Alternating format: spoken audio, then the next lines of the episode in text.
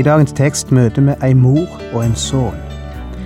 Ei ganske spesiell mor, riktignok, og en enda mer spesiell sønn. Og dog er de ikke mer spesielle enn at det er ting vi kan lære av dette forholdet. Vi er Johannes evangeliet 2, vers 1-11, og temaet i dag er rett og slett ei mor og en sønn.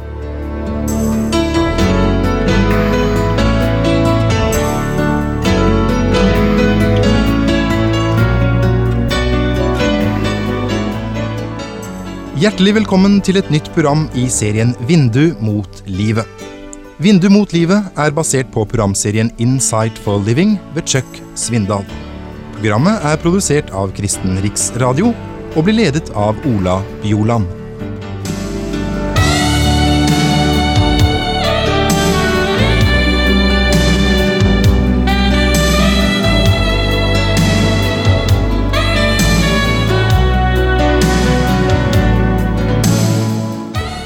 Vi kan aldri overdimensjonere den betydning ei mor har for et barns utvikling og vekst.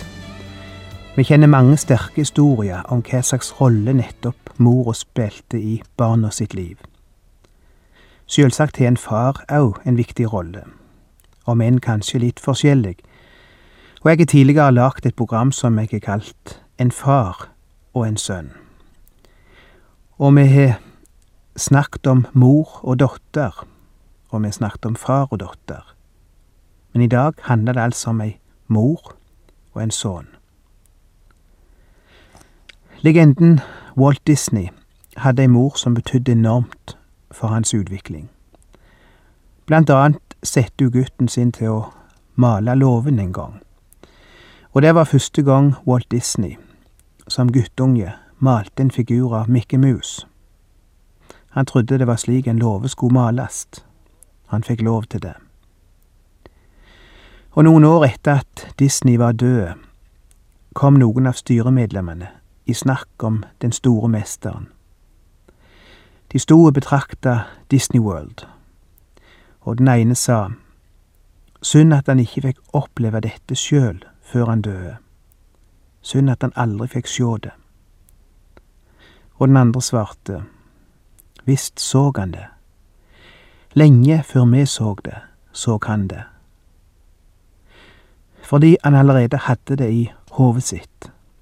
Han så alt for seg, hvordan det skulle bli. Og det er mange flere.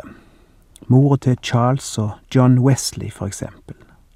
De legendariske engelske predikantene, som stadig snakket om mor si, og om den uvurderlige betydning hun hadde hatt for deres utvikling.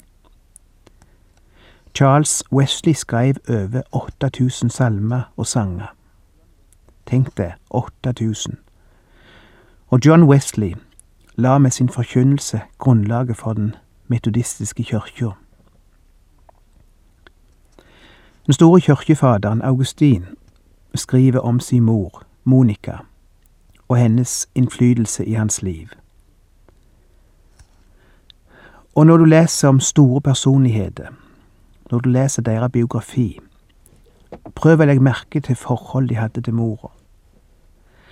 Ofte viser det seg at nettopp det forholdet var med å prege de, og gjorde de til det de blei. Og når vi leser i Skriften, ser vi det samme. Vi leser om ei kvinne som het Jokebed, for eksempel som allerede hadde en sønn og ei datter. Så ei datter heter Miriam, og sønnen heter Aron. Og da hun fikk Moses, en ny sønn, måtte hun kvitte seg med han, fordi alle nyfødte jødebarn var trua.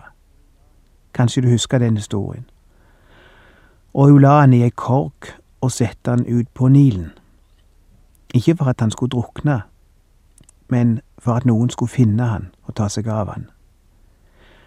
Og hun fulgte med i hva som skjedde med han. Og mens han ble oppfostra i faraos hus, hadde hun stadig kontakt med han, og forma han og la ned all sin kjærlighet i hans liv. Og da han var voksen, hadde han lært alt om livet, og om de riktige valg og de sanne verdier, fordi han hadde ei mor som ga seg heilt for han, Og han kom aldri til å glemme sine røtter, sjøl om han vokste opp i et fosterhjem som ikke hadde noe sans for hans folk og, og for de verdiene Gud hadde gitt dette folk. Eller hva med Samuels mor, Hanna? Den utrolige historien som vi finner i første kapittel av første Samuels bok. Hun ba Gud om å få en sønn, og hun fikk en. Hun lovte Gud at hennes sønn skulle være Guds eiendom. Og hun kalte han Samuel, som betyr Jeg har bedt Herren om han. Og for en innflytelse denne fromme kvinna hadde i sin sønns liv. Hun ga alt, og han ble en av de største profetene som har levd. Og en annen av de største profetene som har levd, er Johannes døybarn. Også hans mor kjenner vi. Hun var ei eldre dame da født, da han ble født, og hun heter Elisabeth. Nok ei omsorgsfull mor som ga alt hun hadde til sitt barn, og bygde opp i han verdier og karakter som gjorde han til den største som er født blant kvinner, sa Jesus. Paulus skriver om Timotus sin mor, Evnike, og framhever at den tru som bor i han, Timotus altså, har han nettopp ifra sin mor og ifra sin mormor. Hans far var greker, men hans rolle i sønnens liv ble ikke nevnt. Det var mora og mormora som kom til å prege Timotus, og legge det grunnlaget ned i han som gjorde han til det han vart. Riktignok var det Paulus som fikk lede han til trua, men grunnlaget var allerede sådd av mora hans. Og kanskje nettopp det er mange mødre sin rolle òg i dag, å så en sæd i barna. Kanskje du ikke får oppleve at barna velger din vei, kanskje de går bort ifra Gud. Men så lenge det er sådd en sæd, så lenge det er lagt ned et frø i de ifra de var små, så vil det ligge der og gro, inntil det er modent, og springe ut i ei personlig tru. Med tusenvis av eksempel på det. Og det viktigste ei mor kan gjøre for barnet, ved sida av å legge ned i det grunnlaget for trua, er å be. Ingenting er mer virkningsfullt enn bønn. Da Susanna Wesley sa god natt til sine to gutter, John og Charles, begynte hun å be for dem. Hun avsatte en time hver uke til forbønn for hver en av dem. Men av alle de mødrene Gud har reist opp på jorda, og av alle de barn han har latt bli født, så er nok ingen mor-barn-forhold mer unike enn forholdet mellom Maria og hennes førstefødte gutt Jesus. Denne unge jomfrua som får beskjed om at du skal få en sønn, uten at du har vært i berøring med noen mann. Som får beskjed om at om, om hva han skal hete, og hva han skal bli. Og hun føder barnet i en stall en gang de er på tur. Og hun har aldri født et barn før. Og Josef har heller aldri vært med på noen barnefødsel. Men der kommer det, og det er aleine om ansvaret.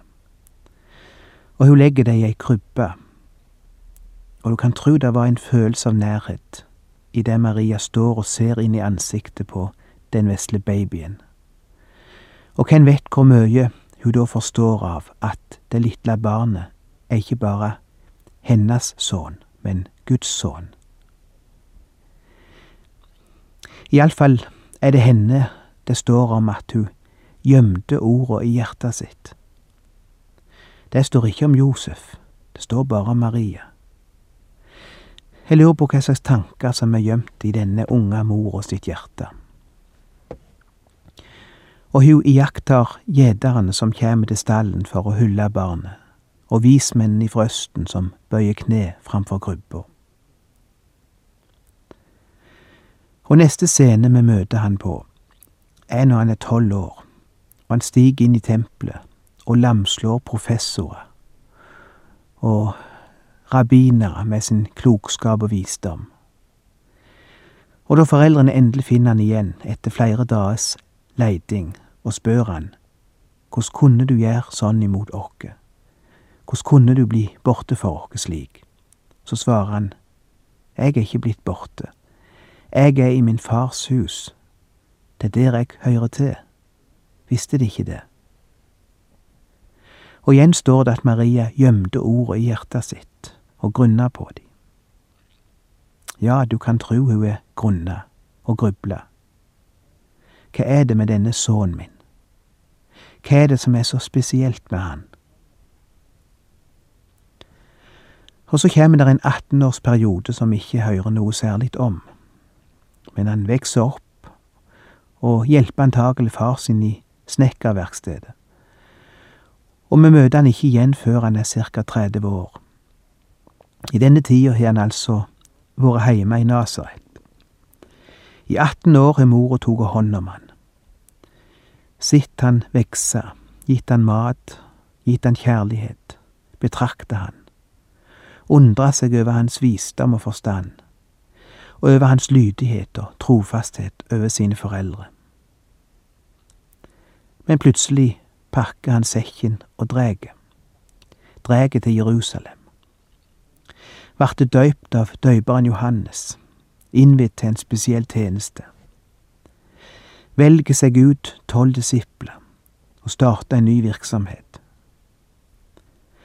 Og vi vet ikke hvor lenge han har vært borte, da han plutselig dukka opp i dette bryllupet nær heimplassen sin i Galilea. Og han sitter sammen med mor si til bords, og det dukker opp et problem, som det alltid pleier å gjøre i et bryllup. Som regel oppstår det et eller annet problem i et bryllup. Og mora snur seg mot sønnen og sier, de har ikke mer vin. Akkurat som enhver mor ville sagt til sin voksne sønn hvis det oppsto en situasjon som hun ikke visste hvordan hun skulle takle. Ei mor trenger ikke si mer enn dette. Hun trenger ikke si sjå og få tak i noe, gjør slik og slik. Det er fedre som sier det. Mødre sier kun de har ikke mer vin, eller vi har gått lens for brensel, eller det er noe galt med komfyren, eller noe i den retningen. Og da er det at Jesus kommer med dette merkelige svaret. Kvinne, hva har du med mitt å gjøre? Jeg tror ikke det er et kaldt og avvisende svar, men det er et meget formelt svar, en formell tiltale, som får fram at det er en distanse nå mellom mor og sønn. Det er som han sier, Maria, hva slags autoritet har du over meg nå? Ting er annerledes nå. Jeg er ikke lenger bare barnet ditt. Jeg er voksen. Jeg har mitt eget liv og mitt eget ansvar. Jeg har mitt eget kall å fullføre. Og jeg tror denne samtalen og denne replikken er nedtegnet for å vise at Maria trenger å komme til denne erkjennelsen nå at barnet er voksent, og at det har sitt eget liv og sitt eget ansvar. Og hun kvesser ikke tilbake. Hvordan våger du å snakke slik til mor di, mens andre hører på? Nei, hun snur seg til kelneren og sier, gjør det han sier til dere. Det er som hun sier, jeg forstår. Jeg skal ikke blande meg opp i ditt kall og dine prioriteringer. Du er voksen nå. Du må gjøre det som du må. Det er selvsagt mange ting som kommer fram i den interessante samtalen mellom Maria og Jesus. Men en av de tingene jeg ser her, er ei mor som begynner å erkjenne at hun må gi slipp på sin voksne sønn. At hun ikke lenger kan kontrollere han. Jeg kan ikke la være å se en liten irettesettelse ifra Jesus til mor si, om ikke å fortsette å styre hans liv. Sjølsagt er han fremdeles glad i henne, og sjølsagt er hun fremdeles hans mor, og sjølsagt skal han fremdeles besøke henne, men han er ikke lenger babyen hennes. Han er voksen. Han har et liv atskilt ifra foreldrene og ifra mora. Hun trenger å innse at hun må gi slipp på han. Og det er veldig vanskelig for noen mødre å gjøre. Jeg har ikke lyst til å nevne noen tanker nå som har å gjøre med dette å gi slipp på barna når de er klare til å stå på egne bein. Noen tanker som jeg tror kan være til hjelp i denne prosessen. For det første, glem aldri at barna er et lån. Du eier de ikke for alltid. Du låner de. Kanskje det er en skremmende tanke for noen. For vi er vant til å tenke at barn, det er noe som vi har krav på. Det er en rettighet. Det er noe som vi kan forlange å få. Det har jo vært en diskusjon nylig i avisene om hvorvidt det å få barn er en menneskerett, eller et krav. Om alle voksne har rett til å få barn. Egentlig er det et feil utgangspunkt. Da blir barnet liksom en ting, noe som er til for at foreldrene skal nyte det, noe som er til for foreldrene sin del. Barnet blir liksom da redusert til en ting som jeg har rett på. Vet ikke om du forstår poenget. Og jeg tror at vi vil få et rettere forhold til barna våre når vi får se dem som en gave, et lån, som egentlig hører Gud til. Og for det andre, det kommer ei tid da barna må slippes. Og jeg tror ikke det er noe som liksom skal skje over natta. Jeg tror det er noe som skal skje gradvis, over tid. Vi slipper de litt etter litt. Allerede når et barn lærer å gå, slipper vi det litt, ikke sant? Før haldt vi babyen i våre armer, haldt han fast, slapp aldri hendene ifra han, og haldt han fast òg når vi støtta han bortover gulvet men plutselig oppdager vi at barnet kan ta noen skritt på egen hånd. Og hva gjør vi da? Vi slipper det. Vi lar det få gå noen skritt på egen hånd, uten at vi heller i det. Og slik fortsetter vi å slippe det, litt etter litt. Vi slipper det litt når vi sender det på skole for første gang. Vi slipper det enda mer når vi lar det gå ut alene en kveld og være sammen med venner og venninner. Vi slipper det litt når det reiser hjemmefra for første gang, på skole eller i militæret. Og plutselig en dag kommer det kanskje hjem og forteller at det har funnet seg en venn og vil gifte seg, og det fløter ut av heimen for godt. Og du må innse at barnet er ikke lenger ditt på samme måten som det var før. Det er noen andre som låner det nå. Jeg tror noen mødre trenger å lære å slippe gutten sin. Maria trengte å lære det, trengte en sterk påminnelse om det.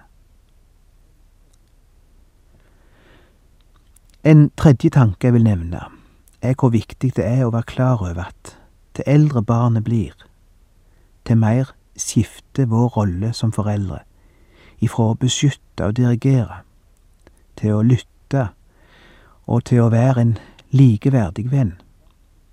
Forstår du hva jeg sier? La oss ikke klynge oss til morsrollen eller farsrollen lenger enn det er naturlig. Det kommer ei tid da vi gradvis bør skifte rolle ifra å være den som styrer og leder, til å være den som lytter og lærer. Jeg sier ikke at vi ikke fortsatt skal lede og vise vei, fortelle hva som er rett og hva som er galt, men det skjer på en annen måte nå. Og en annen ting, tilgi din sønn og din datter. Tilgi de, fordi de er syndere som du er. Fordi de òg vil komme til å skuffe. Skuffe Gud akkurat som du gjør. Det kan verte skuffelse. Det kan verte ydmykelse. Det kan verte skam. Og fordi barnet ditt er det kjæreste du eier, har vi lett for å bli såra og krenka i vår stolthet når noe vondt skjer med det. Vi klarer ikke å takle det. En unge gutt fra en liten landsby i staten Oklahoma i USA hadde ført skam over familien sin, over hele bygda, da han som tenåring endte i fengsel etter en grov kriminell handling. I flere år satt han bak murene, og hørte lite ifra foreldre sine i denne perioden. De var fattige og kunne ikke lese eller skrive noe særlig, så det var vanskelig for de å opprettholde kontakten. Og han grubla veldig på om det at han ikke hørte noe ifra de, om det betydde at han var avskreven av de, og at de ikke ville ha noe mer med han å gjøre. Da det nærma seg dagen da han skulle sies fri, kunne han mest ikke holde ut spenninga og usikkerheten om hvorvidt foreldrene fortsatt ville ha noe med han å gjøre når han kom hjem. Han skrev til de og fortalte at han ville komme hjem den og den datoen. Han ville komme med tog. Og toget passerte faktisk hagen til heimen deres, og han skreiv. Jeg vil at det skal henge opp et tegn hvis det vil ha meg hjem igjen. Heng opp et hvitt bånd i treet i hagen. Når jeg kjem med toget, vil jeg sjå om det der er et hvitt bånd i treet, og da vil jeg gå av og komme heim. Hvis jeg ikke ser båndet, vil jeg bare sige på videre og forsvinne ut av dokka liv. Etter noen dager vart mannen sett fri, men han hadde ikke fått noe brev fra foreldrene, som svar på det han skrev. Han gikk på toget, og da han begynte å nærme seg heimbygda, begynte hjertet hans å slå raskere. Han var så spent nå om han var tilgitt, at han klarte ikke å se ut vinduet sjøl, men ba en av medpassasjerene om han ville se etter om det var noe hvitt bånd i treet i hagen da de passerte. Og han haldt for øynene idet de nærma seg. Og passasjeren sa til slutt, Min ukjente venn, der er ikke ett hvitt bånd på treet, men hele treet er fullt av hvite bånd. Kanskje dette er dagen for deg til å gjøre et eller annet med din familie som Gud har gjort for deg. Kanskje dette er dagen da du skal begynne å tie. Kanskje det er ei mor du skal tie, eller en far, eller ei datter, eller en sønn. Kanskje du skulle dekke livet ditt med hvite bånd.